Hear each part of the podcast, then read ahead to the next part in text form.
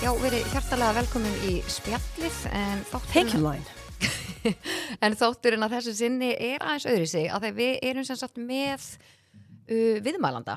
Og þetta er annað skiptið sem að kemur einhver viðmælandi í stúdíu til okkar og við erum mjög spenntar fyrir þessum tildækna viðmælanda. Heldur betur. en það er hún Þórhildur hjá Sundur og Saman. Ég ætla að segja hjá Sundur og Saman þetta er svona eins og ákveði fyrirtæki. En hún er sagt hún er sagt með Instagram sem heitur Sundur og Saman og við mælum með því að þið fylgist með henni þar. En hún er sagt með uh, námskeið er að bjóða upp á mismöndi námskeið og í kjarnan er þetta þannig að hún vil hjálpa þér að eiga frábært samband saman hvort það sé með sjálfur eða með einhverjum öðrum. Og það sem að vakti aðtikli okkar stelpnana er að hún er póli eða fjöl ásta og okkur fannst þetta svo ótrúlega áhugavert ég muni kannski eftir því þegar ég var að tala um þetta í þætti, hvað er nokkur þætti síðan Já. og þeir voru mjög erum ekki að tala um þetta í sambandstættinum. Jú, vorum að tala um þetta í sam- já, í sambandstættinum og við vorum með alveg nokkra spurningar sem við vildum spyrja hana þannig að hún var rosa til í að Hún koma var rosa til í að koma. Já, Við verðum og, samt eiginlega bjóðinni nýja steitin. já, er það ekki Jú. Það er eiginlega bara, hún er semst á leiðinni til okkar Herðu, já, þú vorum að líka bræði á State, Energy Drink. Já, sigurlaus blái, lime orange Já, já. sem er ykkar uppáhalds Já, Já. Þannig að þetta er veistla að ég er líka alveg samt búin að koma inn á hann að bleika, sko. Já, herðu Já. Hann er sumar. Já, hann er pínu svona, hann er svo, flottur fyndið? litin. Já, þetta er að segja ykkur, ég var að mynd sko að því ég var að setja upp hérna, nei, ég var að fylla á bási minn hjá gulli mitt um daginn og þá var ein eitthvað að fylla á sinn bás og það er steit svona á borðinu, svona blár og hún segir eitthvað, hei Lína, já, já hún lýsir eitthvað, ég er að drekka út á podcastinu? Hún líði með steit ég alveg, og ég alveg eftir alltaf að vinna með þetta bara núna, hún bara, nei, ég er búin að smakka þetta allt. Ég alveg, ok, gaman að heyra það. En Lofana. við erum, við erum miklir Við erum eh, mikla State konur já, og við erum mælum með eh, State Energy Drink. Já. Thank en þið getið keift þessa drikki í uh, Hagkaup, Æsland Og og Netto. Netto sem dæmi. Þú séðast hendur í það að ná í ískaldan steit Já, ég tek það á mig. Yes. En ef við ekki bara að bjóða hana velkomna? Jú, eða ekki bara. Ég held að við erum alltaf 2 cm þetta gerði hann og bara hendum okkur í þetta viðtal. Ég er bara ekkit eðlilega peppuð. Takk fyrir að gefa þið tíma á sundi og koma til okkar Já, mín er ánægin. Við erum mjög, og líka margi, við vorum búin að tala um að vilja fá því í þáttin til okkar Já, við Og rættum þetta ég mikið. það. Já. Fram og tilbaka. Já, Ég, ég fekk að senda hann þáttinn og já, bara, það Þannig að varst alveg bara svona, jú, ég get svarað þessu öllu já, ég var svona að tala við síman bara stelpur hringið bara í mig. En við erum alveg með alveg slatta á spurningu sem við viljum spurja þig og ég vil bara taka það fram að kannski er einhverja spurningar sem að virðast ókslega heimskulegar frá okkur stelpunum en við vitum að við verðum potið ókslega fróðar eftir þáttin og engar spurningar er heimskulegar. Ef þeir eru með spurningar þá er örugglega einhver annar líka að pæla. Já, einmitt, einmitt, þannig að við bara svona reynum að hafa þetta bara létt, skemmtilegt og Algjörlega. já, við erum mjög reddi í þetta Ég held að við vindum okkur bara strax í spurningar Já, og gurri Ég ætla byrja að henda hérna uh, fyrstu spurningunum sem ég var að velta fyrir mér. Þú veist svona hvenar og hvernig áttar þið á því að þú er til í að vera með ekki bara einum einstakling í sambandi. Mm. Hvernig svona, hvernig kom eiginlega svo hugsun upp og hvernig þróaðist það? Sko, ég held að þessi fyrst skipti sem ég áttaði með á því að ég geti verið hrifin af uh, an- tveimur mannskjum var þegar ég varð hrifin af öðru manni veist, á meðan ég var gift. Já, Og þá vorum við ekkert að tala um opið samband, það var ekkert inn í myndinni, heldur bara mjög ólukkulega varð ég hrifin af öðru manni, þó svo ég væri virkilega að reyna að gera það ekki. Og varstu þá búin að vera gift í einhvern tíma? Já, Ok, þú veist, þá var ég búin að sambandi í langa tíma og ég var mjög mikið bara ekki að reyna að vera hrifin á honum og þú veist, það var bara í afnýtun og e, svo bara nokkrum árum setna, þú veist, það varð ekkit úr því og veist, ég held ekki framjá og það varð, þú veist, varð ekkit rætt og neitt. E, og svo nokkrum árum setna er ég að tala við vinkurum mín og hún er að segja mér frá því að hún sé að opna sambandi sitt. Og það var eiginlega fyrst skipt sem ég heyrði einhvern svona tala að að allt heiðalegt, allir bara tala um allt og þú veist, það er eng, engin feililegur og, og allt bara einhvern veginn upp á borðanum. Og þá fór ég bara að lesa um það eða, þú veist, og þá var ég svona, á, áhugavert. Um, og það hljóma allt bara eitthvað svo skynnsamlegt þú veist, þetta var svo mikið fullari fólk að veist, velja hvernig það vil lifa lífinu sinu og þannig að það var alveg fyrst getið ég heyrði af þeim möguleika sko. ok, það var þá einhverjum árum eftir að þú já, finnur að þú stóru hrifin af já, og þú veist, hún byrja svona, hún spyr mig einmitt, þú veist, hefur orðið hrifin af einhverjum öðrum? Ég segi já, og, þú veist, og þá sá hann já, ég líka. Og þú veist, þú fór okkur að tala um þetta þá fannst mér þetta bara make a sense. Að þú veist, auðvitað getur orðið hrifin af einhverjum öðrum þú sérst gift eða í Já, sambandi. við rættum það mitt í, allir það hafi ekki verið þar sérst þætti að eins og Lína var að koma að það þú veist gæti verið eðlilegt að verða svona eins og orðað er að smitten á að einhverjum vera öðrum. smittin af einhverjum öðrum. Þa, það er svolítið sambandi. Bara mjög algengt, Já. mjög algengt. Að það er búið að setja upp einhvern veginn svona standard eða hvernig hlutin er að vera. Þú verður bara ástfangin einum og þú verður bara alltaf ástfangin af þeim aðila. Eins og bara sambönd fara upp og niður þau eru alls konar og maður er einhvern veginn svona að því maður hefur upplifað þetta sjálfur að vera hrifin að einhverjum öðrum. Og ég held að þetta sé eitthvað sem að bara ógisla margir hafa upplifað og Það kannski bara það, sko. lítið rætt um það. Já, og þetta var einmitt bara þegar ég talaði um þetta fyrst á, hérna, á sundur saman voru mynd ógeðslega margir sendum mér skilum bara vá, takk fyrir að tala um þetta. Bara shit, ég, þú veist, ég hef aldrei talað um þetta við neitt og bara því líka skömmin sem ég er að bera kringum þetta og bara mjög mikið þörf umræða sko. Já, þetta er, já, líka átt að segja á því að þú ert ekki einnandan þegar maður er bara svona, byrju, er ég að halda framhjá með því að líða svona andlega Mhm. svo er maður svona, nei, ég er ekki að fara yfir línu, þú veist, mér líður bara svona Já. og þú ferði einhver skömmi við því Mhm. eins og lögðu að heyra einhvern annan vera að tala um það þá bara svona, já ok, þetta er eðlilegt ástand aðalmálið er alltaf að þú ræður ekki tilfinningum Nei, þínum. það er nefnilega málið þú ræður ekki hvaða tilfinningar koma upp hjá þér Mhm. þú ræður hvað þú gerir með manneskunni eða Mhm. hvað þú segir við manneskinu og allt það það er það sem þú nærð að stjórna Einmitt. en þú stjórnar ekki hvaða tilfinningar þú finnir Mhm. þú veist, ef þetta er einhver sem að í flestum tilfellum er þetta einhver sem fólk er að vinna með eða er, þú veist, ofta umgangast kannski vinahópa eitthvað slags þar sem þú getur eiginlega ekkert slefti að hitta manneskuna Mhm. já. veist, þannig að í rauninni munurinn kannski á þessu og það sem að myndi vera bara alveg borlingandi framhjáald er að þú veist, þú ert ekki að reyn, þú ert ekki að sækjast í þessa mannesku, þú bara þarft að umgangast þannig að því út af einhverjum aðstæðum mm Mhm.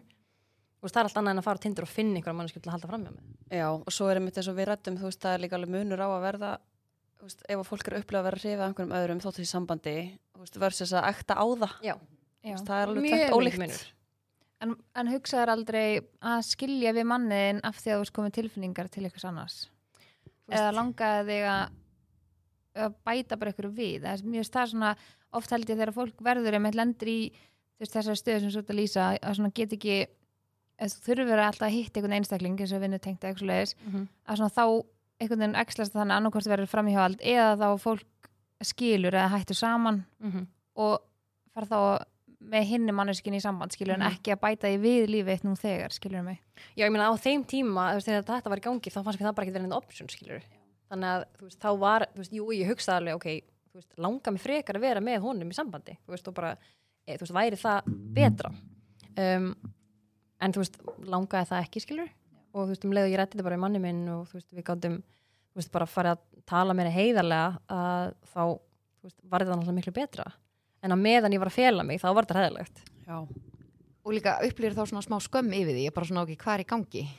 Algjörlega, ég Já. var bara, í- ég var bara að skamma hrúa, sko. Já, ummitt, ummitt en ok, svona, nú er þetta að tala um, þú veist, frá, út frá því að þú talaði við makaðin um þetta. Mm hvernig, mér finnst þetta ótrúlega forutnilegt og ég alveg finnst það gett svona aðdándavert að, eins og að það nú er ég búin að fylgjast með þér að þegar þú segir að þóra að taka spjallið við makaðin Mhm. að því að er ekki allir, allir sé ekki stór hluti ef, ef segjum bara í maki minn til dæmis kemur til mín og myndi bara gáðu slína. Ég, ég finn að uh, ég er opinn fyrir að vera með fleirum. Mhm. þú veist það er svo margir sem myndi bara býtu ha, er það djókið mér eða, Mhm. þú veist að þú fer strax í einhverja vörn, tekur þessi malgir í höfnun og bara nei, þetta er búið. Mhm. hvernig, ég er ótrúlega forritin ef þú vilt svona deila þig með okkur svona sem í hvernig, hvernig opnar á þetta spjall? Já bara hvernig, hvað sagður já, ok, Ef þú hvernig, já, já, já, það. er ótrúlega mjög margir að pæla í þessu og sko ég var náttúrulega pínu heppin að ég var ekkit komin og svona djúft í þessar pælingar þegar ég tala um þetta við hann þú veist, ég með varst ekki eftir áhugavert, ég var kannski búin að lesa myndi svona þrjáta og þú veist, var alveg, ok, mér finnst það gett áhugavert ég var ekki mikið til að ræða þetta við hann, ég þóri ég samt ekki alveg og ætlaði eiginlega ekki að gera það og þú veist, mjög auðlega þá langaði mér svona, mér langaði svona að reyna að finna einhver leil að tala um eitthvað í þessa átt. Og eina sem ég datt í hug var hann House of Cards þættinir, af því það var eitthvað smá partur af plottinu þar sem var eitthvað svona það er samþykkt eitthvað hann það er einhver svona leikur hann á hliðanlínu sem er samþykkt í þessu. Og ég nefni þetta eitthvað og hann eitthvað afhverjast að spyrja um þetta já sko. Veist, þá, þá var ég að segja, ok, vinkunum mér var að segja mér. Og þú veist, þá fór ég að tala um þetta. Okay. þá var ég ekkit eitthvað vissum að þetta var eitthvað sem ég vildi. Þú veist, þá var þetta bara eitthvað sem ég búin að þú veist, gett áhuga sem um.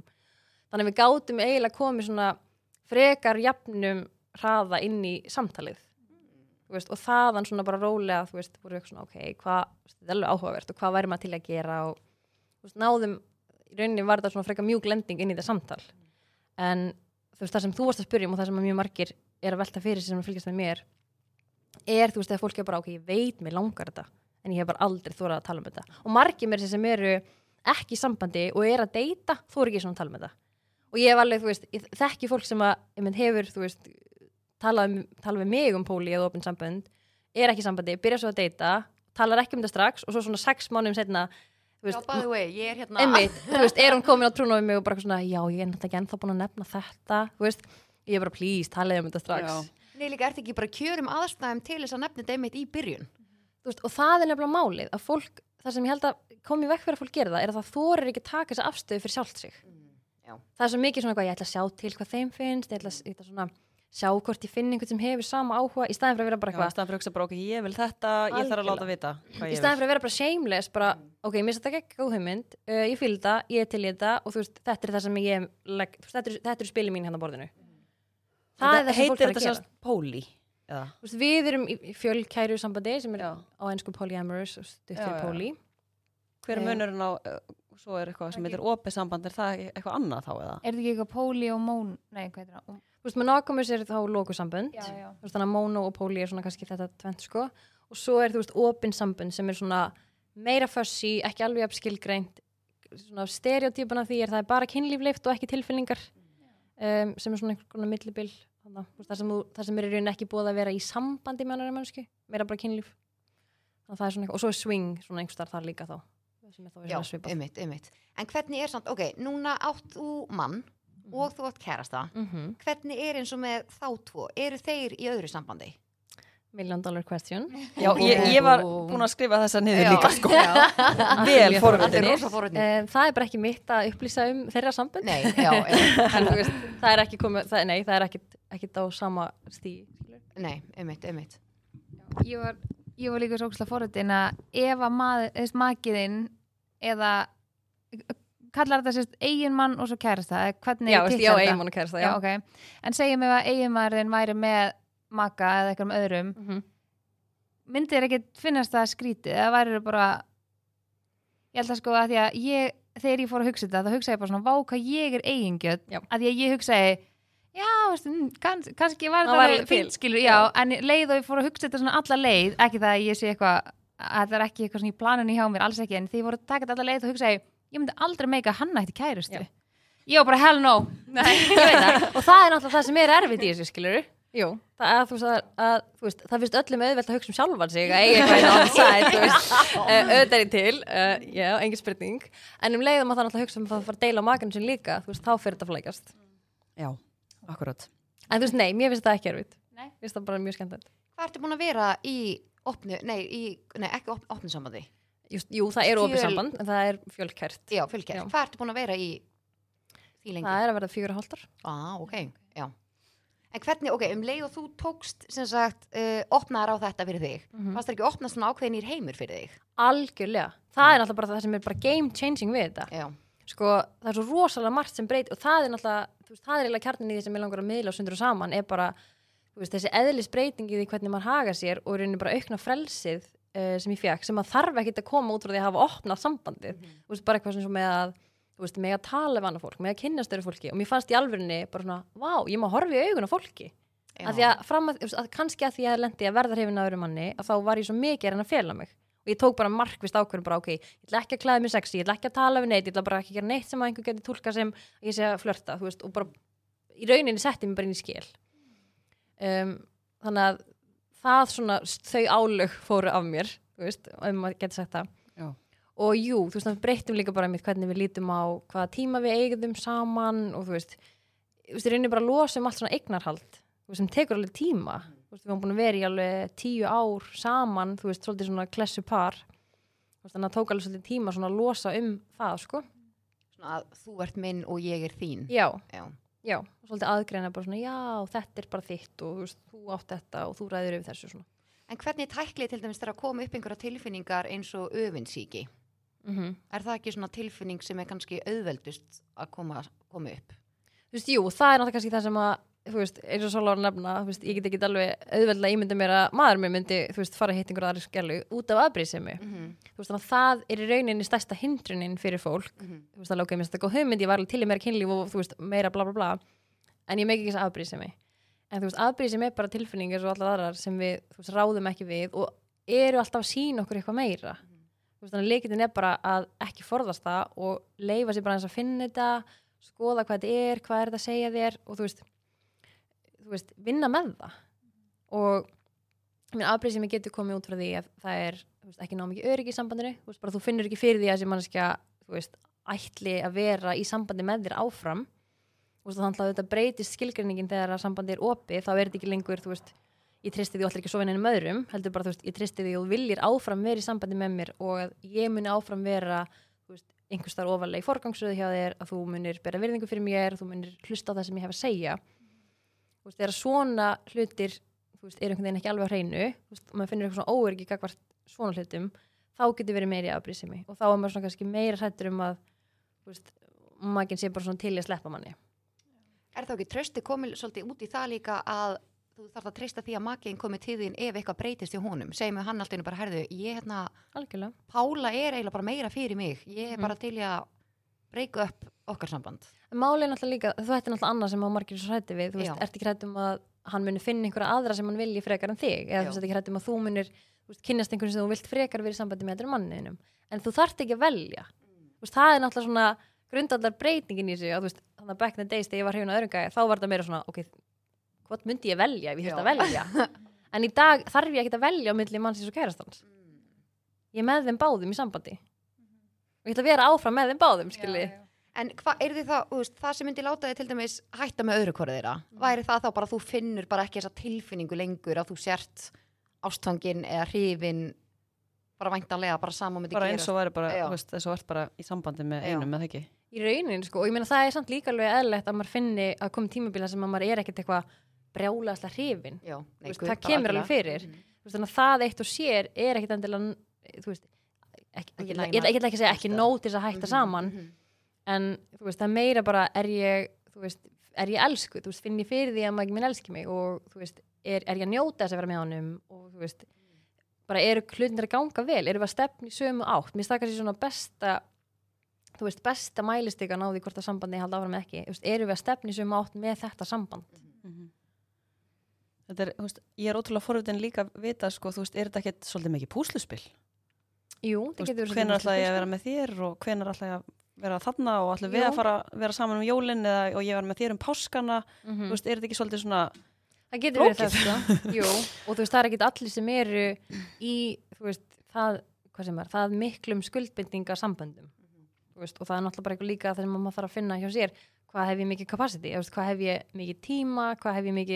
það veist, tilfinningarými, hvað nenni ég mikið, já, veist, að hérna, það er ekki allir sem hafa kannski jafn mikið, mikla félagsorku og ég, skilur, margir myndi vera bara, ok, ein kona er meira en nóg fyrir mig, þú veist, ég þarf ekki meira.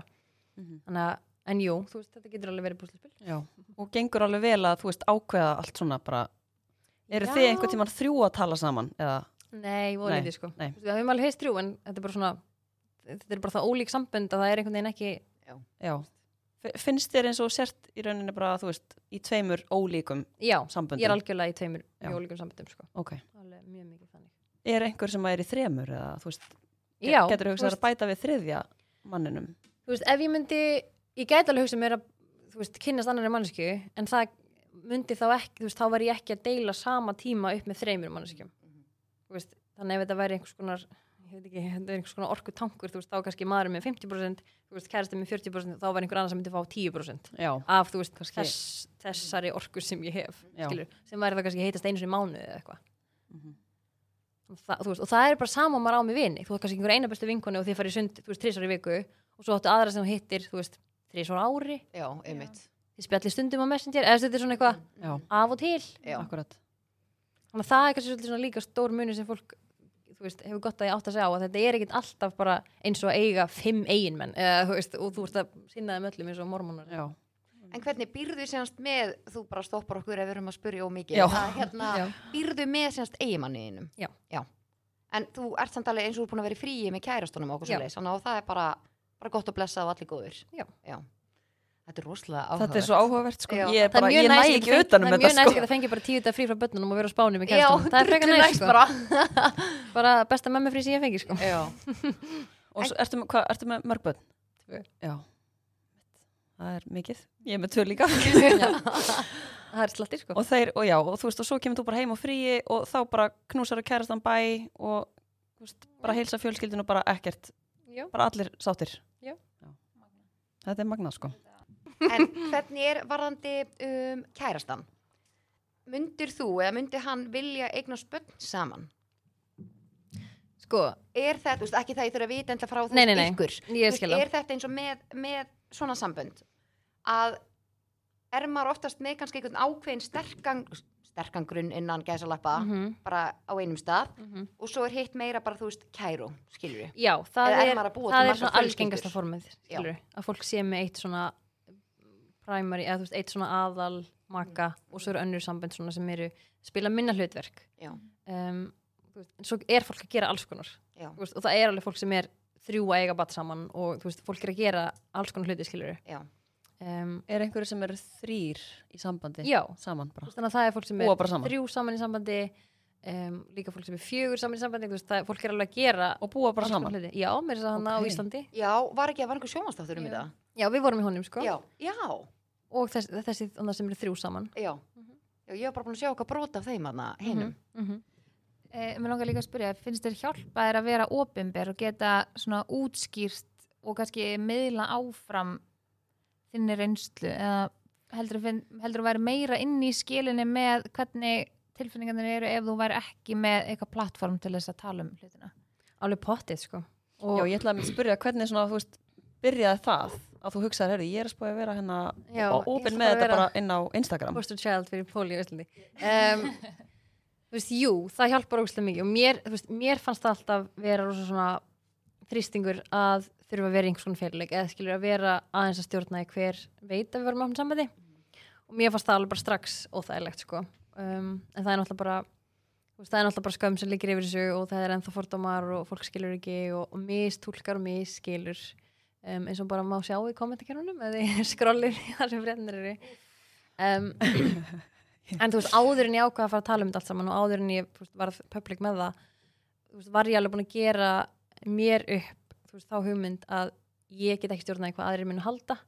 Og sama hvað ég útskýri mikið þá mun einhver miskilja bara jafnvel þó þú myndir lesa alla fréttir og hlusta á öll vitilun eða þú ert búin að ákveða Já. að ég sé bara kynlífs ódrusla þú veist, Já, þá er nei, það bara sem þú hefur, ég meina ándjóks þannig ég er bara svona, Það er ok svona svo rétt, sko. og þú veist þannig að partur að því var bara ok, það mun einhver dæma mig á whatever way they want, skilur, og það er bara þeirra val og þú veist, og með því fannst mér líka þurfa að sættast við það, ok um, ég ætla þó ekki að dæma einhvern sem er skilur, að stunda ókslega mikið kynlíf og þú veist, titla sig bara sem drusla, skilur ég ætla líka að sætta mig við í rauninni þann titil sem einhver myndi gefa mér og mér fannst eiginlega bara með því að samþykja það fannst mér ég geta verið ok með að vera úti með það en þú veist, ég veit ekki hvað Það er alveg sama hvað gerir í þessu lífi. og ég það að að svo sko. fattaði það bara svo ógíslega vel að þráin mín fyrir því að finna ekki skömm kemur bara frá mér það er engin annar að fara að gefa mér leiði til að skammast mín ekki nema ég Mhm.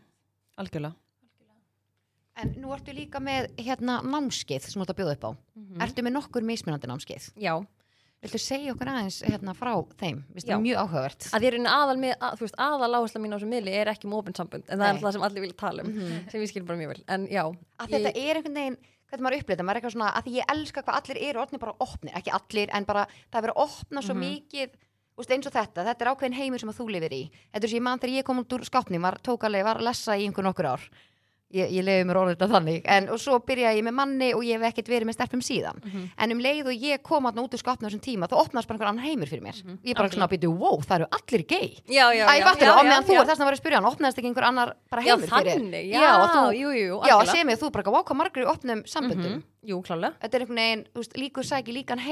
Já, Já, Já, algjörlega. er mm þannig að mér finnst bara svo frábært hvað allir eru orðnir, eða, ég vil ekki segja allir, en hvað bara margt er orðið ótrúlega opið. Já. Já, við vorum um að tala um þetta um daginn, þú veist, þessu svona, fyrir, sem er fyrir neðan okkur, Já. hún er alveg bara rosa opinn. Já, Þú veist, það er ennþá svona aðeins þannig fyrir ofan svolítið kynnslóð sem er svona ennþá svona gamli já, skólinn. að því að mér finnst við ágætlega opinn, allan við sem vinkonum rosa opnar, sko, en þú veist, okkar kynslu er ágætlega opinn. Já, þú veist, maður er meira orðin bara svona, þú veist, you do you. Já, algjörlega, nei, 100%.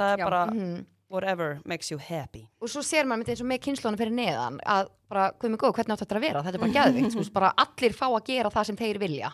Já, ég er sett með parnámskeið sem heitir Storkuslega sambund og er bara netnámskeið í fjóra vikur sem er bara svona prógram sem leiði þið bara í gegnum þú veist, fyrst samskiptin og síðan uh, sjálfsrækt og svo kynlíf og svo í raunin svona parasamband í heilsinni um, sem að er bara þú veist, allt sem ég hef lært, allt sem ég hef verið að gera og svona alltaf helsta bara sem að hjálpar samböndum þú veist, þetta er ekki veist, þetta er algjörlega ólíkt para ráðgjöf það er því hef oft fengið spurningar, þú veist, hver er munurinn á þessu og fara bara í ráðgjöf.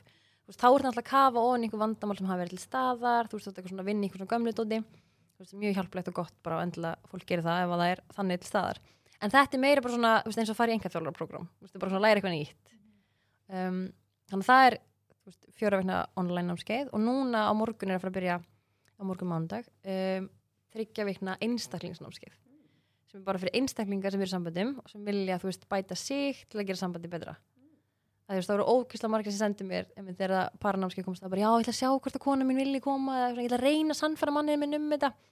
Og svo er svo leiðilt að bitna á hínum þið langar kannski af námskeið, maki langar ekkert að koma. Það, er alveg, það var alveg glata á sko. þrótt sko. Þannig að þetta, er, þetta væri alveg hugsa sem er námskeið fyrir þetta fólk. Þú veist, sem er bara, ég gætt mikið metna, ég veit að við getum gert óslega mikið betur. Veist, og í rauninni fólk sem fattar, ég er ekki fullkomin ég er til í að feysa það veist, það er eiginlega svolítið svona, svona svolítið vendipunktur að fólk fatti, já, ég er ekki fullkomin mannskja, uh, ég get gert fullt betra til að gera sambandi betra. Mhm. og ég vil eitthvað hinn maginn þá kannski ekki til í þá vinnu, þú veist, þú er ekki til að horfast í augu við það.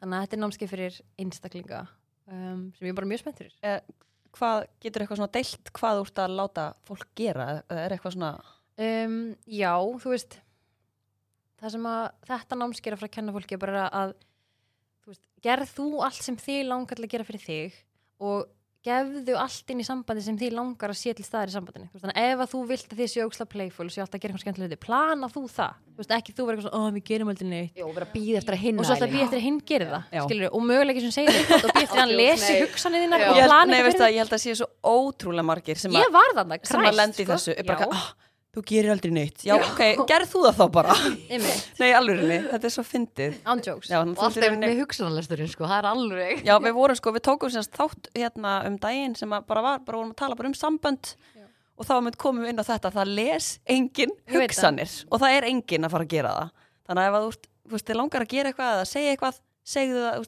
og gerðu það. yes. Það bara, það er engin að fara að koma bara og, og draga það upp úr þér sko. algjörlega Það bara er sko. ekki þannig sko. Já. Þannig að þetta er mjög áhugavert. Að það er þetta og svona það sem að mér langar að mér svolítið mikið að kafa hún er, veist, allt sem þú ert að kvart yfir veist, og bæði sem þú kvartar við makaðinn og það sem þú kvartar í haustum að þér og segir ekki svona upp átt leggjum þetta bara eins á borðið og förum aðeins onni í þetta veist, af hverju ert að kvarta yfir þessu og þú veist, þannig að finna lausnir fyrir þessu að þið fullt alveg drátt eitthvað, þú gerir aldrei hendi segðu bara sem er skiptið í alvörunni máli þú veist, og hvað er undirliggjandi vandamáli við hvað er þetta þart í staðan fyrir að kvarta yfir einhverju sem þú ert ekki að fá Já, Já. Og, þú veist, og ef, að, ef að þú ert að byggja um eitthvað sem að makinn getur bara ekki gefið að þá, þú veist, að þetta heitir þittir vali þú veist, ok, þá hefur val, ætla ég að sætta mig við það að hann muni bara aldrei setja í þvóttavélina ætla ég bara að sætta mig við það og halda fram að lifa mannum eða er þetta bara dílbreykar og ég þarf að fara úr sambandinu Mm þú veist, ekki vera föst í einhverju limbo á milli og vera alltaf bara eitthvað, ná, nei, nei, nei, nei, hérna bara own it, þú veist, veldi bara hvernig, hvað við erum að hafa og líka bara sættu við að mannskjan er ekki fullkomin. Þú ert ekki fullkomin og hann er heldur ekki fullkomin og þú veist, að það er bara sem hluti sem munum bara vera fokkin pyrrandi þú, þú veist, á meðan þeir eru í sambandi. Þú Algjörlega. ert líka pyrrandi að einhverju öðru leiti skilur bara sættu Nei, algjörlega, ég hugsa þetta líka alltaf þannig að þegar, þegar þú ferði í samband, það er engin fullkomin Nei. og mér finnst alltaf, það er alltaf einhver ákveðin svona, ok, ég að segja galli innan gæsa þú Já, þarft að- sem þú þarft að sætta Já, þig þú við. þarft að sætta þig sætta þig við eitthvað eitt að því að máli er að þótt þú farir í annað samband, þú heldur að grasa sér græna hinum megin kannski. It's not. og þá er kannski sá galli verri heldur en gallin sem að hinn var með. Og þú bara svona byrju, wow, ok, ég þarf að staldra við, þú veist, er þetta eitthvað einmitt það svekkjandi segja? líka að fatta það fjórum árum setna Já, bara já, Herri,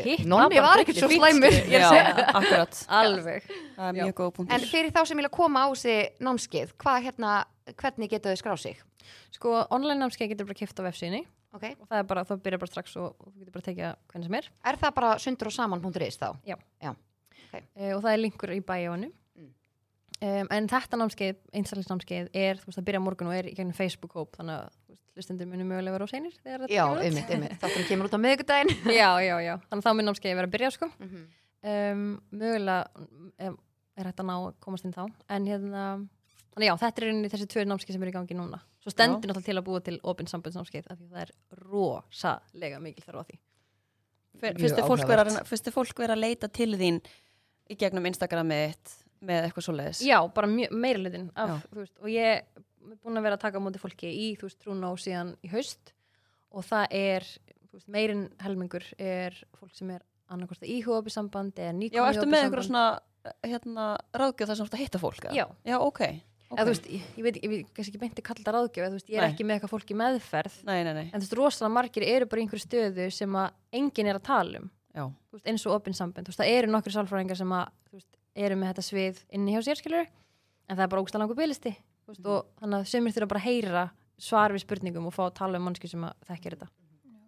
En fólki sem hefur verið að koma á námski hjá þér, er þetta eitthvað svona ákveðin hópur, er þetta fólk sem kannski búið lengi í sambandi eða er bara einhver ákveðin aldur eða bara einhvern veginn allur gangur á þessu? Já, eiginlega allir gangur, sko, ég myndi segja, þú veist á hérna, námskeiðanum hefur verið bara mynd fólk frá, þú veist, 23 ára eða eitthvað og alveg upp í 50 eitthvað, sko Ok, og bæði Já. fólk sem er, þú veist, búið lengi saman á fullt af börnum og alls konar en líka einhver sem er bara, á, við erum búin saman í tvö ára og langar bara að gera það úslega vel já, Mhm. ok. og svona alltaf fólk sem er, þú veist, á tiltölulega góðum stað þú veist, þetta er ekki námskeið sem er að fara að leysa einhver djúb vandamál en þú veist, fyrir pör sem eru bara hérna í, þú veist 6, 7, 8, skilur og vilja komast aðeins herra, þá er þetta fullkomið. Og þetta er bara svona, þetta er óslega skemmtilegt. Þetta er bara svona eitt kvöld í viku, það sem eru svona fræðslur og svo, verkefni sem þau eru að gera og áskoranir. Og þetta er líka kannski svona, líka til þess að ég myndi úr að segja, til þess að gera sambandi betra, þetta myndi ekki eins og þegar þú ferð kannski í ráðgjöf, þá er kannski einmitt orðið eitthvað vandamál. Já. Þetta er meira svona, að því að mér finnst alveg, snú er ég líka gift á með börn og eitthvað, og mér finnst alveg hjónabandi er alveg vinna. Og maður þarf alveg að sinna algjörlega, og sko. einmitt eitthvað svona, ég held að það sé kannski meira svona tabu og fólk vilji þá kannski ekki tala um það sé að fara á okkur svona námskeið því þá hald, heldur fólk í kringum það að sé eitthvað vandamál eða Mhm. skilur mig, í staðin fyrir að að við halda góðu hjónabandi. Skiptir svo ótrúlega miklu máli. Og ég fann það eins og eftir COVID, þá er ég myndi að segja um mannum daginn, svona, við erum búin að vera svo miklir foreldrar í svo langan tíma núna. Og bara þess að með skóla og þegar allt fer svona aftur að stað þá bara einhvern veginn svona æfingar, tónlingar hérna, sumaróti þarna og einhvern veginn og bara eina sem við eiginlega gerum og tölum um er einhvern veginn það sem að snýra krökkunum. þetta er bara eins og að reka Já. fyrirtæki Þannig ég hugsaði með, svona námski er eitthvað sem myndi kannski gefa okkur eitthvað aðeins meira Mhm. í svona burtu frá algjörlega heimilislífin einhvern veginn. Já, Já. og það er alveg stór, þú veist, stór áhersla á þessu námskeið ég myndi um það að, að við finnum aftur hver við erum mm því Mhm. maður getur svo auðveldlega og það er alveg stór hlut af fólki sem að sem kemur námskeið, kemur til mín er bara eitthvað svona ég veit ekki hver ég er lengur ennur en að vera mamma. Já. þú veist, ég bara ger ekki annað en að vera mamma. Já, neðist ándjóks og þú veist þannig að maður þarf svolítið bara svona maður þarf í alveg að mun eftir því, þú veist, já það er einhver manneska hérna undir þessum bleiuskiptandi vél sem ég er, skilur ándjóks Og mér finnst það líka núna því að nú er yngra barni mitt, þú veist, rúmlega fjögur ára og hann er svona farin að gera allt eila sjálfur. Það er eiginlega eina sem ég ger er að elda mat Mhm. og þú veist, og ganga frá og eitthvað. Þannig að svona, og ég var enda, við vorum að ræða um daginn, ég bara svona, þegar þau eru kannski bæði hjá vinum sínum eftir skóla á svona sem hefur verið hingað til erfiðasti tíminn í, Já. þú veist, sjö ár, Mhm. það er alveg svona, hvað er að gera? já, og þú búum eitthvað og hann eitthvað að fara í göngutúr, ég alveg mm, já, eða, þú veist, ég alveg getum við ekki bara að fara í golf eða við ekki hjóla eða eitthvað, Ég veit svo það. komin á þann stað núna að, Mhm. mm Já, þetta er mjög þægilegt Þetta getur bara að gera meira saman. en samt þá saman, er það líka bara hver ertu? Já, en þá fann ég svona þá fann ég svona pínu svona að það varð pínu pressa Já, skilur mig, ég var bara svona mér varst bæði pressa að eitthvað við þurftum kannski að gera eitthvað eða bara svona að dekka þennan tíma þú veist, þetta var ókslega skríti, ég var svona ég hef ekki bara að fara í bílskórnum og taka til bílskórnum með eitthvað, mér fannst það eins og þurfti að vera með plan. Það er ókslega skrítið. Já. en ég hugsaði með bara, og, næstu árum skilur verður þetta alltaf bara meira og meira þannig að krakkarnir eru hann sjálfstæðir og gera hlutina og þú Mhm. veist, eru lítið heima. Mhm. en, og þá fann, fann ég með því að hefur kannski bara komið þriðja? Bara því að ég Mhm. þekki það. Já, og mér fannst ég bara svona þurfa að viðhalda því einhvern Mhm. veginn. Og maður minn bara nei. Nei, nei, við finnum okkur bara eitthvað annað að Nei, gera. þetta er ógislega áhugavert. Því Já. maður hefur líka heyrt um þetta fólk er svona hangið saman fyrir börnin og svo einu allir færnir heima og þá bara ha, Einmitt, og Hvað það er við það sem ég gera? hræðist sko. Að því að við eigum alveg, veist, við eigum alveg margt, mjög margt sammeilegt sko, en er svona einmitt áhugamál sem hafa kannski fengið að blómstra skilur í langan tíma og maður er svona pínu svona að vekja það upp aftur núna. Þetta er námskeið fyrir þig sko. Já, ég segja það, ég klálega sko. Ég er nefnilega, mér finnst líka eins og þegar kemur að svona parasamböndum og alls konar, nei, þú veist, þegar kemur að svona ráðgjöf, ætla ég að segja, að mér finnst þetta einmitt sína svo mikinn styrk hjá pörum að leita sér ekki beint hjálpar, heldur að hafa eitthvað, eitthvað svona, eins og þú ert að segja núna, þá ætti þau svona tíma saman og kannski Já. vinni að einhverju saman. Mhm.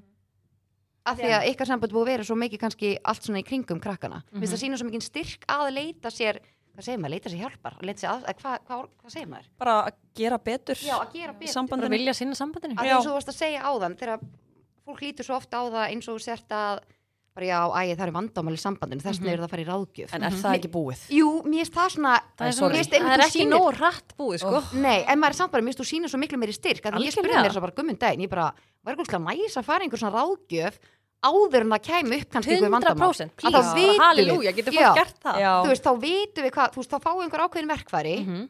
Og maður er bara svona, herru, já, uh, ég get notað þetta verkfæri þá er þetta líka bara að vera miklu skemmtilega en miklu fyrr Já, bara virkilega. Algjörlega. Þannig að mér stæðum þetta fólk með að taka það til sína. Þetta er ekki, já, þetta er ekki merkjum það að það er einhver þvílík vandamál. En nei, er styrk. Ég finnst líka bara svo gott að líka þessu við engafjálfun Þú veist, þú ert kannski, þú góðu formi og þú ert bara að fara að uppgræða þig ennþá meira með því að fara í engafjálfun og gera þetta ennþá betur Það er ekki gott því að allt er hassi, skilur Þetta er líka bara svona að þú fer með bílinn í skoðun áður en hann bilar. Það er nákvæmlega saman sem er svona ráðgjöf að gera eitthvað. Og líka bara það að við finnst einhvern veginn svona að að sinna hjónabandinu og að vera ánæður í hjónabandinu er einhvern veginn svona, fyrir mig er það bara mikilvægast í mínu lífi að, veist, að fjölskylda mín og að, að það Já. gangi allt vel en samt einhvern veginn svona allt í kringum það er svona einhver Algjörlega. að skilur mig sem betur fer bara, þú veist, eins og nú erum við samstarfum með losta.is og þú veist, bara geggja umræðans í orðinu svona mikil Mhm. um þú veist, bara kynlistæki, pröfu eitthvað nýtt og þú veist, Mhm. að, að viðhalda hjónabandinu af því að, ég veit ekki mér finnst einhvern veginn svona okkar kynslu mjög, þú veist, við erum allar skilnaðaböld skilur mig, og þú veist, og ég hugsaði þessum dæni bara, það hlýtur að vera einhver ástæða fyrir það svona ótrúlega mikið að skilnaðaböldnum hjá þessari kynslu, sem ég finnst alveg svona sem betur fyrir vera að breytast. Að ég hugsaði með núna, ég svona, þetta væri svona geggjaði tími fyrir mig og Frans að skilja núna, þegar Já. að þú veist, ef það væri ekki allt í góðu og svona krakkarnir farin að vera minna heima og ég bara svona, Æ, þurfum við nenni ekki að vera með þér. já, að skilur, þá veginn svona á, á þessum hlutum. Mhm. Já, En það er líka svo mikið máli, ef við myndum pæla í því hvað, hvað skilnar eru ógæslega algengir ætti það ekki að vera bara big red flashing sign bara ok, það er mjög góð líkur að það muni fokast upp. Ef við ekki að pæla í þessu svolítið snemma. Já, ég, er einmitt, ég var einmitt að hugsa það, þú veist, af hverju eitthvað að, þú veist, eins og fólk að gleymi stundum að að, aðgreina sérst, sambandið, bara parasambandið og svo fjölskylduna, þú veist, þetta eru tveir hlutir og það eru svo margir sem að kannski eru bara, herru, já, við erum bara fjölskylda, þú veist, við erum bara fjölskylda. Já. ok, en, en hvað þegar börnin eru stór, þú veist, hvað eru þið bara Einmitt. eitthvað tvö og þú leikir hvort annað? margir Já. einmanna í fjölskyldinni Já, Þú veist, Þannig að- fóröldarnir eru ekki með styrkja sitt samband. Allir bara að hugsa um börnin og kaupa pollagala og passa allt sé, þú veist, í lægi með einmitt, það. skuttla á æfingar og allt en þú veist, þetta mamma og pappi tala aldrei saman. Já, einmitt. Eða þú veist, það er ekkert slæmt, en það er bara svona eitthvað hver erstu? Það er Það er- fucking lonely. og Það- er eitthvað það sem að hræði mig sjúklega mikið, eitthvað Mhm. svona sem að mér langar ekki að verði, skilur og þess vegna vorum við með þetta, eins og ég var vitnið að náðan vorum við að eiga þetta samtal af því að við Mhm. vorum allt í einu bara svona mamma kom ekki heim. Og mamma býrist við hlena mér kom ekki heim. Og klukkan var eitthvað fimm og bara hvað er krakkarnir? og við eitthvað, já, bara úti. Og við varum bara eitthvað svona auðlar Mhm. ég er eitthvað og maður veit ekki hvað það er að vera? Já, En þá er einmitt bara að fara að rækta það og gera eitthvað En það er líka gott að við séum meðvitið um það. já, Já, akkurat. Nei, þetta er mjög algengt sko. Já, þetta er mjög skemmtilegt. En hvernig er, ok, ef, það, ef, ef fólk er að hugsa um, já, að vilja bara segja um bæta sambandi sitt, vilja opna sambandi sitt, hvað er einhver svona ákveðin skref sem að þú mæli með fyrir fólk? Við erum mjög ólík umræðefni að bæta sambandið og opna sambandið er mjög ólíkt. Já, það var kannski ekki alveg ekki, ég myndi ekki fara að koma með hérna fyrir solu þú veist til að ó, koma með ráð til að opna hendur bara í hérna, bara, þú yfir hendur í tjúbulegina. hún getur kannski kynnt mig fyrir einhvern síðum sem við getum Já. En þú veist, ok, þannig að þessu til að bæta samband Já, þannig að tökum þetta- tökum þetta sikkur leið. Já, ég held ég held ekki að sé sigur umræðan sko. ég, En já, hvað myndur þú segja? Já, sko, það sem ég fókusa mest á, eða þú veist, og mér finnst skipta mestu máli einmitt að bæta sambandi, er að byrja að bæta sambandi við sjálfan sig og skilja sig betur. Af því að þú verður að hafa þann skilning og það samband, þú veist, til þess að geta tjáðir skýrt um makan þín þú veist, þið rauninni kemur allt þaðan. Og þú veist, til þess að vita hvernig þú átt að bæta sambandi þá þarf að vita hvað er það sem er ángraðig eða þú veist, hvað ok, við tala bara um veist, meira típist um ömmur þú veist, eða bara líka bara fóreldrar sem eru bara gera ekkert nema að vinna og vera fóreldri og þú veist, það er kannski ekki beint að en það er svona, með það er ekkert eitthvað óa mikið að frétta. Þú veist, að þar er svolítið sverum til að fókusa bara hvað langar mig að gera Mhm. hvað langar mig meira til að gera. Og mjög margir vita það ekkert.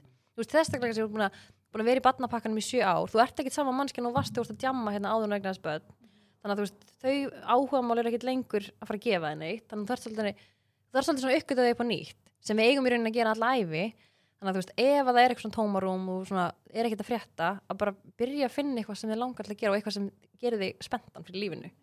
Þú veist, og það hjálpa líka sambandi svo mikið að gera eitthvað nýtt saman. Og svo mjög margir sem sem nefndi aðan eitthvað við gerum alltaf nýtt saman. Og gera sér enda ekkert sjálf saman. Veist, að fatta bara, vá, mér langar fyrir sjósun getum við gert það, þú veist. Um, þannig að byrja þar veist, og mjög margir alltaf þurfa að bæta samskipti. Það er alveg bara, það er ekki fáa sem þurfa ekki að bæta samskipti. Um, það er þannig að læra um það veist, lesa bók um samskipti eða, veist, eða fara í ráðgjöf og læra um samskipti. Þú veist, eða fara á námskeið og læra um samskipti. Þú veist, eitthvað þannig. Það er yfirleitt, það mun svolítið svona riðja veginn fyrir allt annað sem þurfa að díla við. Sérstaklega líka myndi við tölum um hvernig maður á opna samband. Samskiptin skipta svo ógeðslega miklu máli. Það er bara nummer 1, 2 og 3 Þú veist, að tjá sig, í öllu, já algjörlega. Ég- byrja þar sko. Já, einmitt. Og það inn rauninni myndi fá svörum við öllu þannig ef það er vandamál í kynlífinu eða það er vandamál í, veist, að það er ekki verið að setja nóg mikið mörk við fjölskyldu eða ef það er ekki veist, nóg mikið þetta veist, öll svörin þurfa að koma frá þér og þaðan inn í sambandi Mjög góða punktur. En ef við fyrir núna yfir í, ef fólk er að velta þið fyrir sig að vil opna sambandi sitt, þú veist, það er kannski búið að staldra við og bara svona, herðu, minnst áhugavert, veist, Mhm. er þetta fyrir mig, er þetta ekki fyrir mig, mm hvernig ég að gera það, ég er Mhm. skítrætt, -hmm.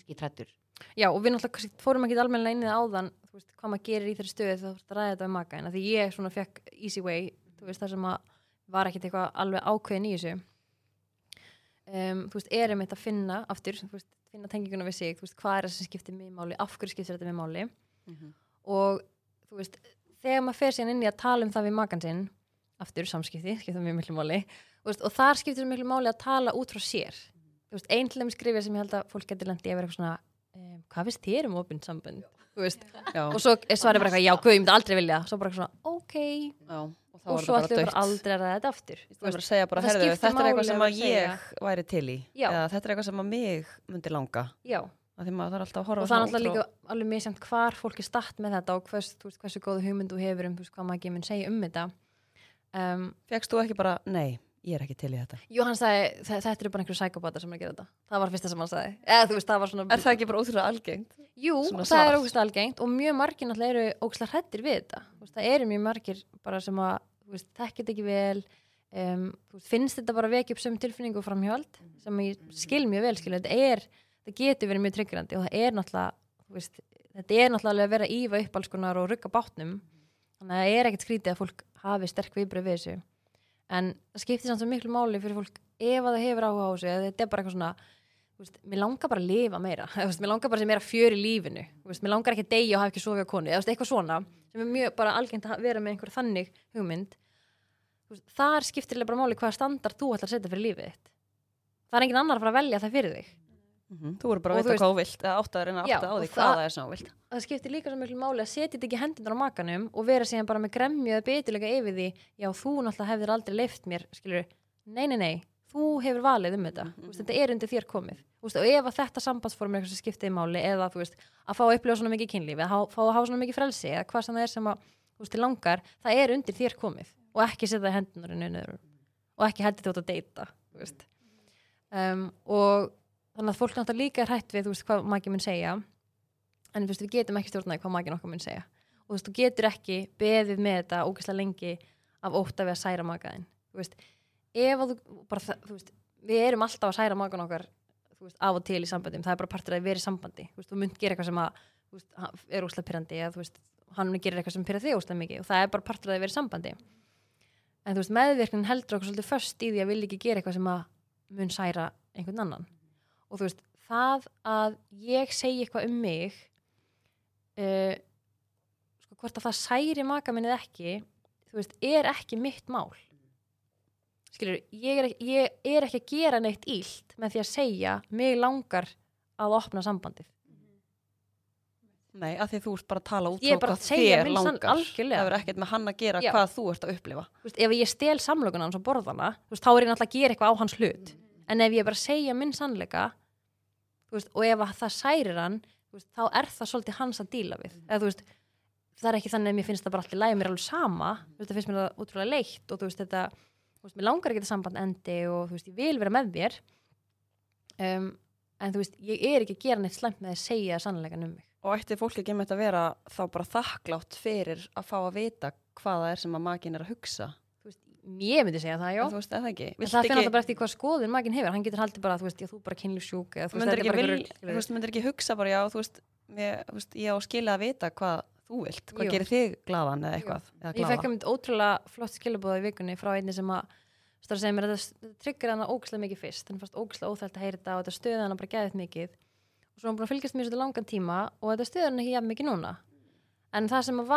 bara að það sem að henni fannst óþægilegt var að þetta svona ógnaði einhvern veginn hennar öryggi. Þetta, henni fannst þetta vera, þú veist, gefa makanum hennar leifi til þess að vilja þetta fyrir sig.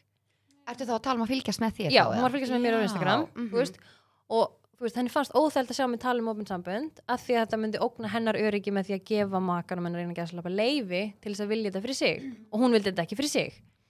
En svo sá hún, en þegar ég hugsa meir um það þá meika það náttúrulega ekkert sens að því að auðvitað vilja bara allir geri það sem þeir vilja. Og þú veist, og ef þetta er eitthvað sem að þú veist, maður ekki myndi vilja þá vilja hann sér heiðarlega við sjálfan sig um það. Þú veist, og þá bara, ok, leitt að við þurfum að hætta saman ef þetta er þannig dílbreykir en ég vil ekki setja þegi og fel eitthvað innan gæsla til að særa mig ekki. Akkurat þannig Það að þetta er svolítið svona það sem fólk þarf að sætta sig við og fara í gegnum þetta og ákveða sig bara fyrir sig hvað skiptir mér máli? Þú veist, ef að þú hefði til dæmis bara veist, hann hefði sagt við bara, herðu, nei, ég er bara engan áhuga þessu. Þú veist, Já. þá hefði þú náttúrulega þurft að hugsa bara, ok þú veist, þá þarf ég bara ákveða hvort að ég ætla að sætta mig við það eða, eða hvort að ég verð bara að fara út úr þessu. Algjörlega. Og ég meina, þú veist, ég hef aldrei viljað hætta með honum en þú veist, ég hugsaði um það þegar ég var 19 ára því að þú veist, ég er tvíkineið og þá var ég svona ok, ég hef aldrei verið með konu. Ég þyrfti helst að þyrfti ekki að hætta með honum til að prófa það? Þú veist, það var eitthvað svona pæling sem ég var með. Um, svo bara eitthvað, nei, mér langar ekki að hætta með honum. Þú veist, engin ástæði til þess. Skilur, ég elska hann og bara sambandi okkar frábært um, þú veist, þannig að það var svona eitthvað sem að þú veist, einhvern veginn var inn í mér þú veist, ok, þetta er samt alveg partur af mér sem ég langar að upplifa. Og sem að, þú veist, hefur ekkert með hann að gera bara nákvæmlega ekki neitt. Sko, ok, nú hérna vaknar einn spurning hjá mér. Og það er er tabúið ef ég má orða það þannig að það náttúrulega er alltaf ákveðin hópur að er fólk ofta að upplita þannig bara eitthvað já, er sambandið hann ekki nógu gott? Er sambandið hans ekki nógu gott? Þannig að hún eða hann þarf einhvern annan í líf sitt. Já, ok, byrju, er hún ekki að fá nóg kynlíf heima á sig er þetta, er ekki, er þetta svolítið þessi það mýta? eru mjög margir sem halda það. Já, Já, ég, ég hugsaði þetta mitt. Já, það eru mjög margir sem halda það. Já. Og þú veist, og það er ekki ástæðlis að opna samband. Nei, er já, bara herði, ég er ekki að fá nóg mikið kynlíf heima á mér en ég ætla að fara hérna út bara til hann það, ef, allt annað er í góðu og það er, þú veist, það er mjög algengt að fólk sem er mismatch í hversu mikið kynlíf það vil stunda þú veist, ef að það er það eina sem að er, skilur munurinn á millikar þá er það allt í lægi að það sé ástæðan fyrir því opnin sambandið. Og þú veist flest sambönd er um einhvers konar ójafvægi í hversu ki- mikið kynlíf fólk vil stunda þú veist, þetta er bara Já, bara því við erum bara svo ólík. Við erum bara svo ólík og bara svo kom Eins og- tímabil og þú veist, það er bara þú veist, þannig að það eru svona nokkrar ástæði fyrir því að opinn samband make a sense fyrir fólki og það er, þú veist, einmitt mismikið löngun í kynlíf um, ólík hérna, kynneið, þú veist, eins og mér, þú veist, ég er tvíkynneið og ekki hann, skilur þannig að, eða hann er ekki kona, þú veist, getur ekki Já, verið bæði, já. basically um, eða ef það er, þú veist, einhver svona kink eða veist, eitthvað svona já, þú veist, þú vilt eitthvað sem ég bara hata eða skilur eitthvað Já. þannig um, það er önnur ástæða það er, já, fjórða ástæðan er rauninni ef að fólk hefur byrjað saman rosalega ungt og hefur eiginlega bara ekki kynst þú veist, basically bara ekki fengið sofið á morgum. Þú veist, þú ert bara, ég er bara búin að vera einni mannskju alla æfi, þú veist, ég veit bara eiginlega ekki, ég hef bara ekki smakkað nóg mikið af hlaðborðinu sem er í bóði, skilur já, já. Já, Og- ég, og ég held að og það að sé því að- mjög algengt að það er alveg fullt af fólki sem er kannski búið saman í, þú veist, 15 ári eitthvað og er allt svona hvað, hvernig væri? Hvað ætli þú veist, hvað annað ætli sé til? Skilur Og auðvitað er eðlilegt að hugsa það. Já, Það bara of segir sér sjálft. Já, Það er bara kannski að byrja bara með maganuðinu 15 ára. Já, þú veist, við byrjum saman 17 ára Já, það var- þá eðlilega að ferða að hugsa eftir tikkuðum í 10 nokkur ár bara, heyrðu, já, já, akkurat. Þetta er mjög áhugaverð, er einhver önnur spurning svona ég var, Já, ég var með eina sko. Já. Hún er örgulega mjög asnaleg sko. Hvað er með hana? Sko, þú veist Þegar þú ert heima bara með fjölskyldunniðinni Ertu, þú veist, að tala við kærastan í gegnum skilabóði eða ertu, þú veist, aðgreinir þetta bara alveg? Bara alveg síðan Það við skiptir bara- Já, það er alveg bara já, Já, Já. ok það er engar eitthvað svona regulur Nei, þú veist, það er ekkert eitthvað, þegar þú ert heima þá ertu bara, þú veist, þá ertu ekkert að tala við hann eða, eða þegar þú ert með honum þá ertu ekki að tala við, veist, er veist, það er ekkert Nei, eitthvað við svona, erum ekki vinna þannig reglur. Nei. en þú veist, er þetta ekki bara misjátt kannski velur fólk bara ef að fólk vil hafa eitthvað svona, og það er, þú veist, einmitt mjög algeng spurning og mjög mikið sem að fólk velti fyrir sér þegar það er að taka þessi fyrstu skref í opna sambandi, ok, þurfum við ekki að með reglur? Reglur við og við, þú veist, ég alveg las yfir mig og hlusta á fullt af podcastum og, og bara drekti mér í að lesa um þetta og komst svolítið að því að þú veist, mér fannst mega mest hans að vera ekki með ómikið reglum. Af því þú veist, því fleiri reglur sem setur því fleiri reglur eru til þess að brjóta. Og þú veist, ein, Þú ert alltaf að fara að brjóta á einhvern hátt. Þú veist- Er það ekki, er ekki mikla líkur á því að það eru og marga reglur?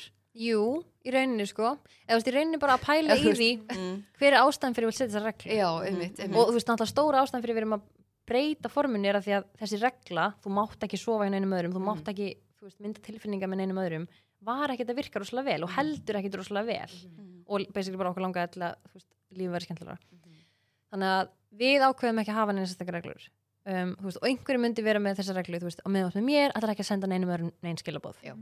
en þú veist, það sem í rauninni skiptir bara máli er að þú veist, ég vil fá þá aðtikli frá þér sem ég vil fá.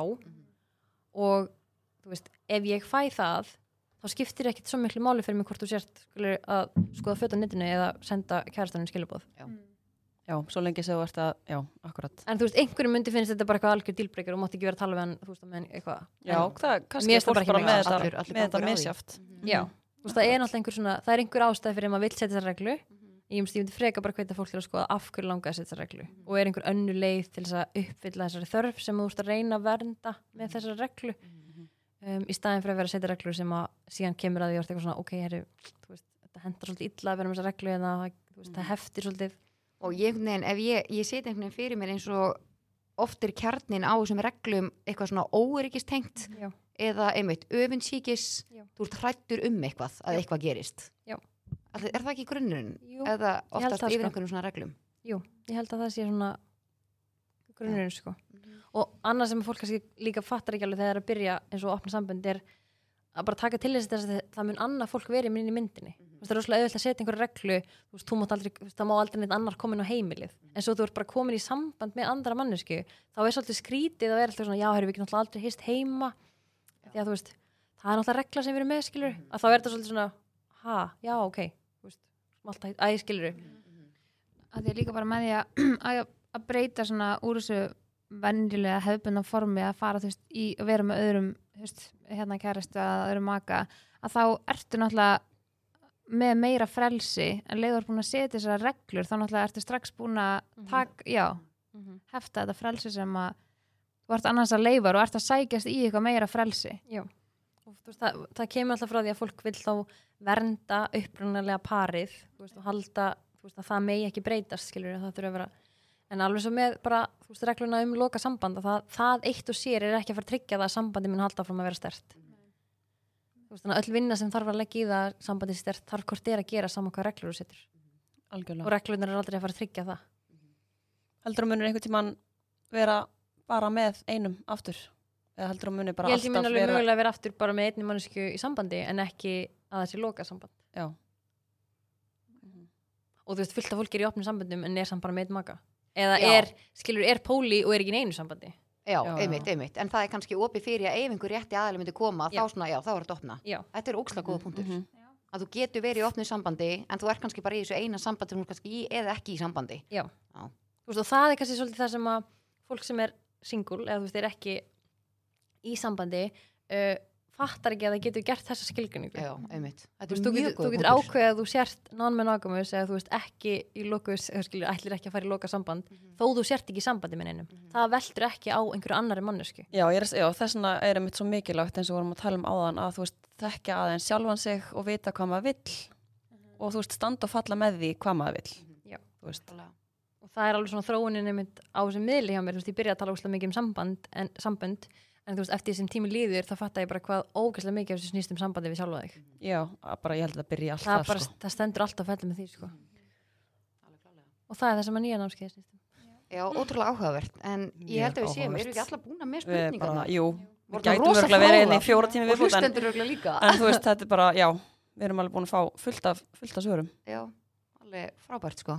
En enn og eftir bara takk aðeinslega fyrir að gefa þér tíma koma hitta okkur hérna, fyrir. fyrsta mæ Ótrúlega, ótrúlega gaman að hérna tala við þig og takk Já. æðislega fyrir að koma. Og gangi er vel. Já, takk fyrir. Hún var að fara frá okkur núna, hún Þórhildur og váká gaman að tala við hana. Þetta er svo Ég hefði örugglega getað að setja inn í fjóra tími viðbót Nei, örst, sko. ef við hefðum verið með annan mæk þá hefðum við sko örgulega verið með trilljón fleiri Já, spurningar. ég, ég fann alveg, ég var ógislega meðvitið um og ég fann að þú varst líka meðvitið þegar við vorum að deila mæknum, Já. þannig að þetta er alveg smá klúðu þurfum að kaupa nýjan mæka þegar Já. ef þetta er komið til að vera að fá viðmælendur af og til sko. Mhm. Ég er líka spennt að heyra hvað hérna, hlustendum finnst um að fá viðmælandur Já, Já,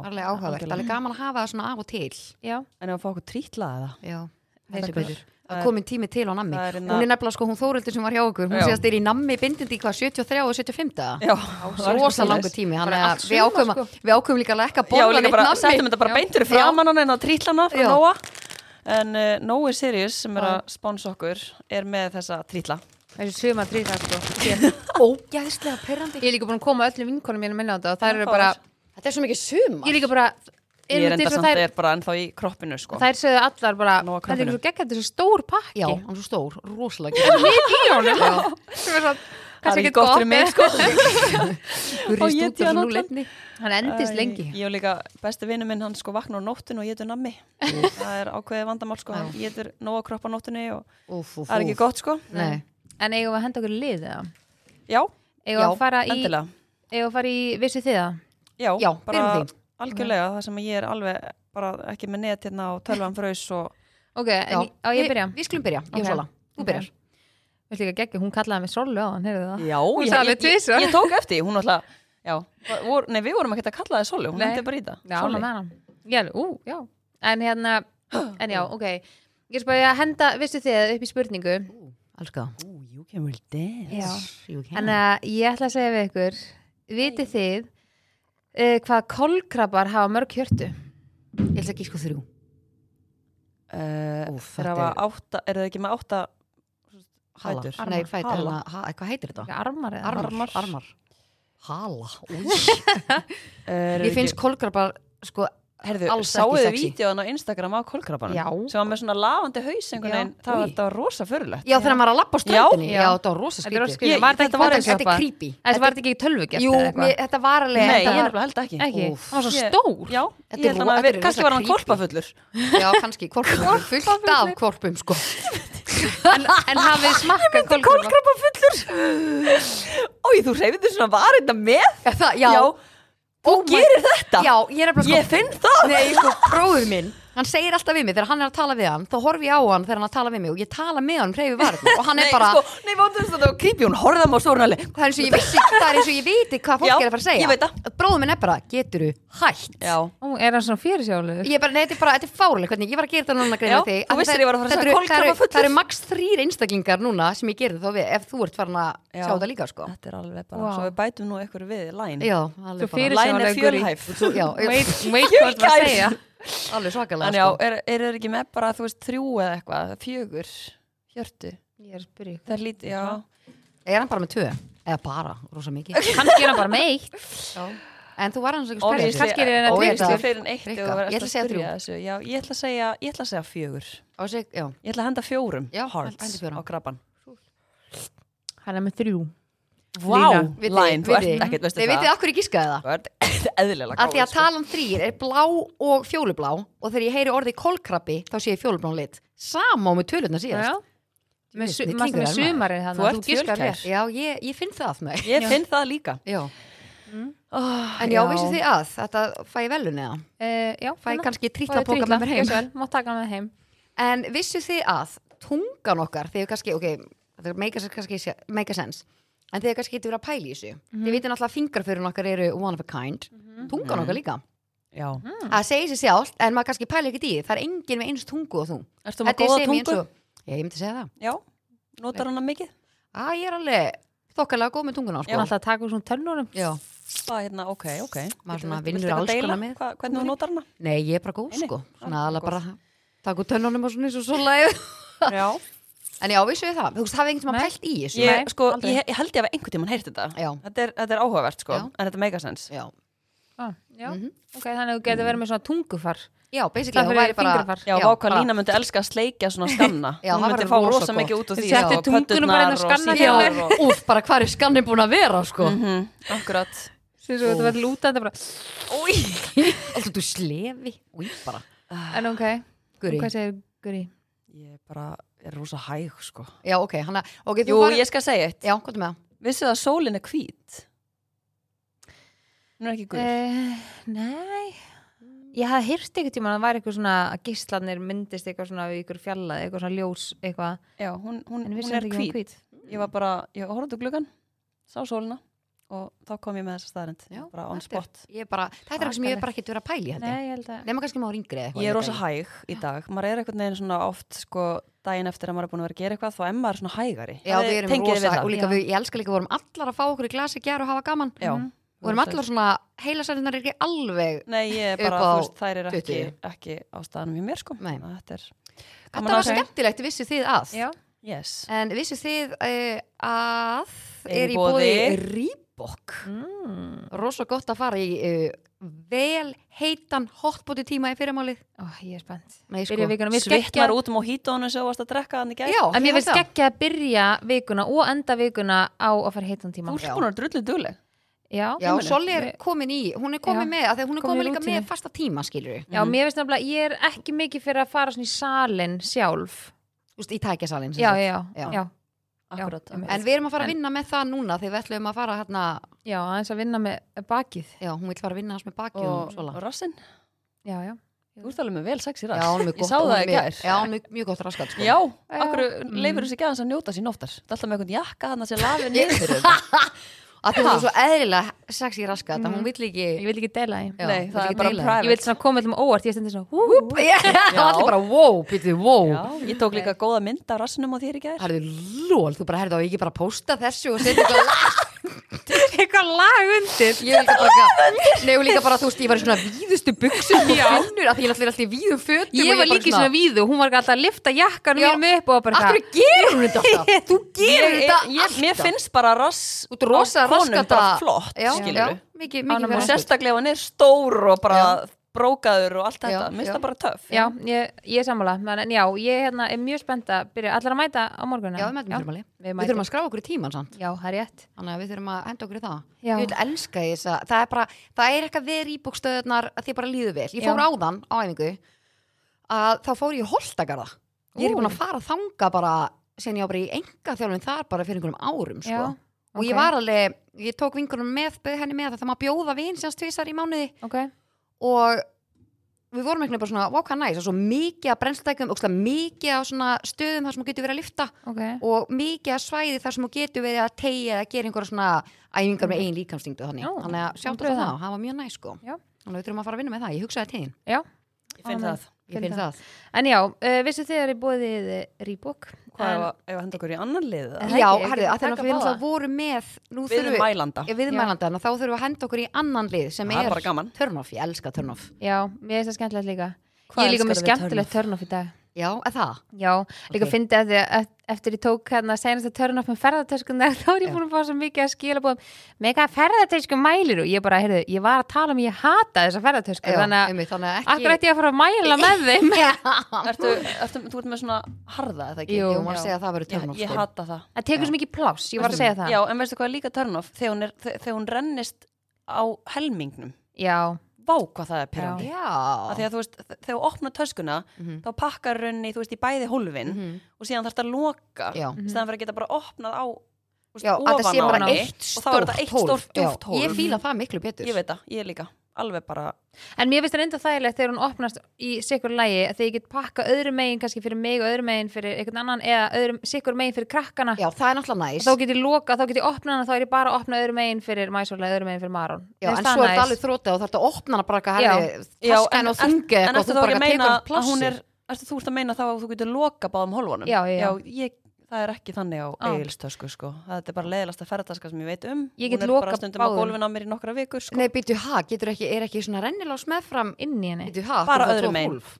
bara öðrum megin Ok, what the Já, fuck það er bara, það er mesta turn off í heimi sko. Já, ok, en ég elska þarna þegar Samsung töskutnar er allan með þannig að þú ert með svona renda eðla góða ferðartöskur, þannig að þú getur sagt Já, það kannski- við fólki sem Já, er að sem er spyrja að Ég þarf kannski að mæla með þeim en ég, er ég vil ekki mæla með eitthvað sem ég hef ekki nota sjálf Nei, sko. en ég, að- en ég, við, ég hendi mér það ég Já, er það á við vorum með að tala um það sko, að við erum komin í þess að ferðartösku umræði Mhm. uh, að hérna að kaupa nýja töskur úti við erum sérst að fara út eftir Já, smá. já, Er það þeir eru bara að fara að fara? Já, Það er náttúrulega komið mæ. Ég veit að, Mhm. já, hver, byrju, hvernig farið þið?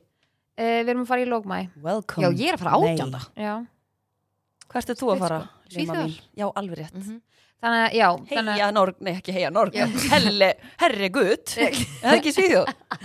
þannig að já, en uh, í turn-off dagsins Já, uh, ég er alveg með svolítið gott turn-off ég ætla Ok. okay. mjög margir eftir að tengja hana en. Turnoff er í bóði losta.is og Yes. við viljum vekja aðtekli á því að losti.is voru að opna glæ nýja, vel, sexy, sexy vefsíðu. Og hvað sagði þetta hægt? Já, það var svona... ég Glæ, nýja, Nýja. vel, sexy. Sexy, verslun. ég sagði sexy tvisar. Sexy. Vel, sexy síðan. En þar getið þið farið og skoðað og keift og Mhm. alls konar skemmtileg og Er róla. já, alveg bótið sko. í, í netverslunni. Það er allt í netverslunni. Þú getur fengið allt að það er að róla þér í netverslunni. Já, já, varst þú að pantaði róluna eða? já, Já. einmitt, ég ætla að taka til í bílskurðin fyrst. Já, já, já, já, þú ætlar að gera svolítið svona og hengja upp hann að BDSM búningana og, Já, það þarf að vera svona aðeins skipulagt hjá henni. en já, en já turn-offið mitt í dag er, eru sápukúlur. Ég hata Mm, Vá, hvað ég fengi. hata sápukúlur. Þetta, akkur, getur þetta ekki bara verið staukurinn þannig að það fari ekki allt út um Já, allt? ok, fyrir utan það. Til, þetta, þetta, þetta skiptist í tvent og að, þú veist, af hverju fá líka börn svona oft sábukulur í gjöf? Þetta er svona, þetta er svona, þetta er er djöfulsins sem hún gefur batni, Já, öll, allra fóreldra fyrir nummer eitt, þetta fer út um allt, þetta suppast út um allt var allt klístrað og svo bara er þetta búið eftir smá því að batni bara hellir öllu sápun úr og þú er bara eitthvað, ah, ok. All, og, ok, það eitt og sér er algjört turn-off Já.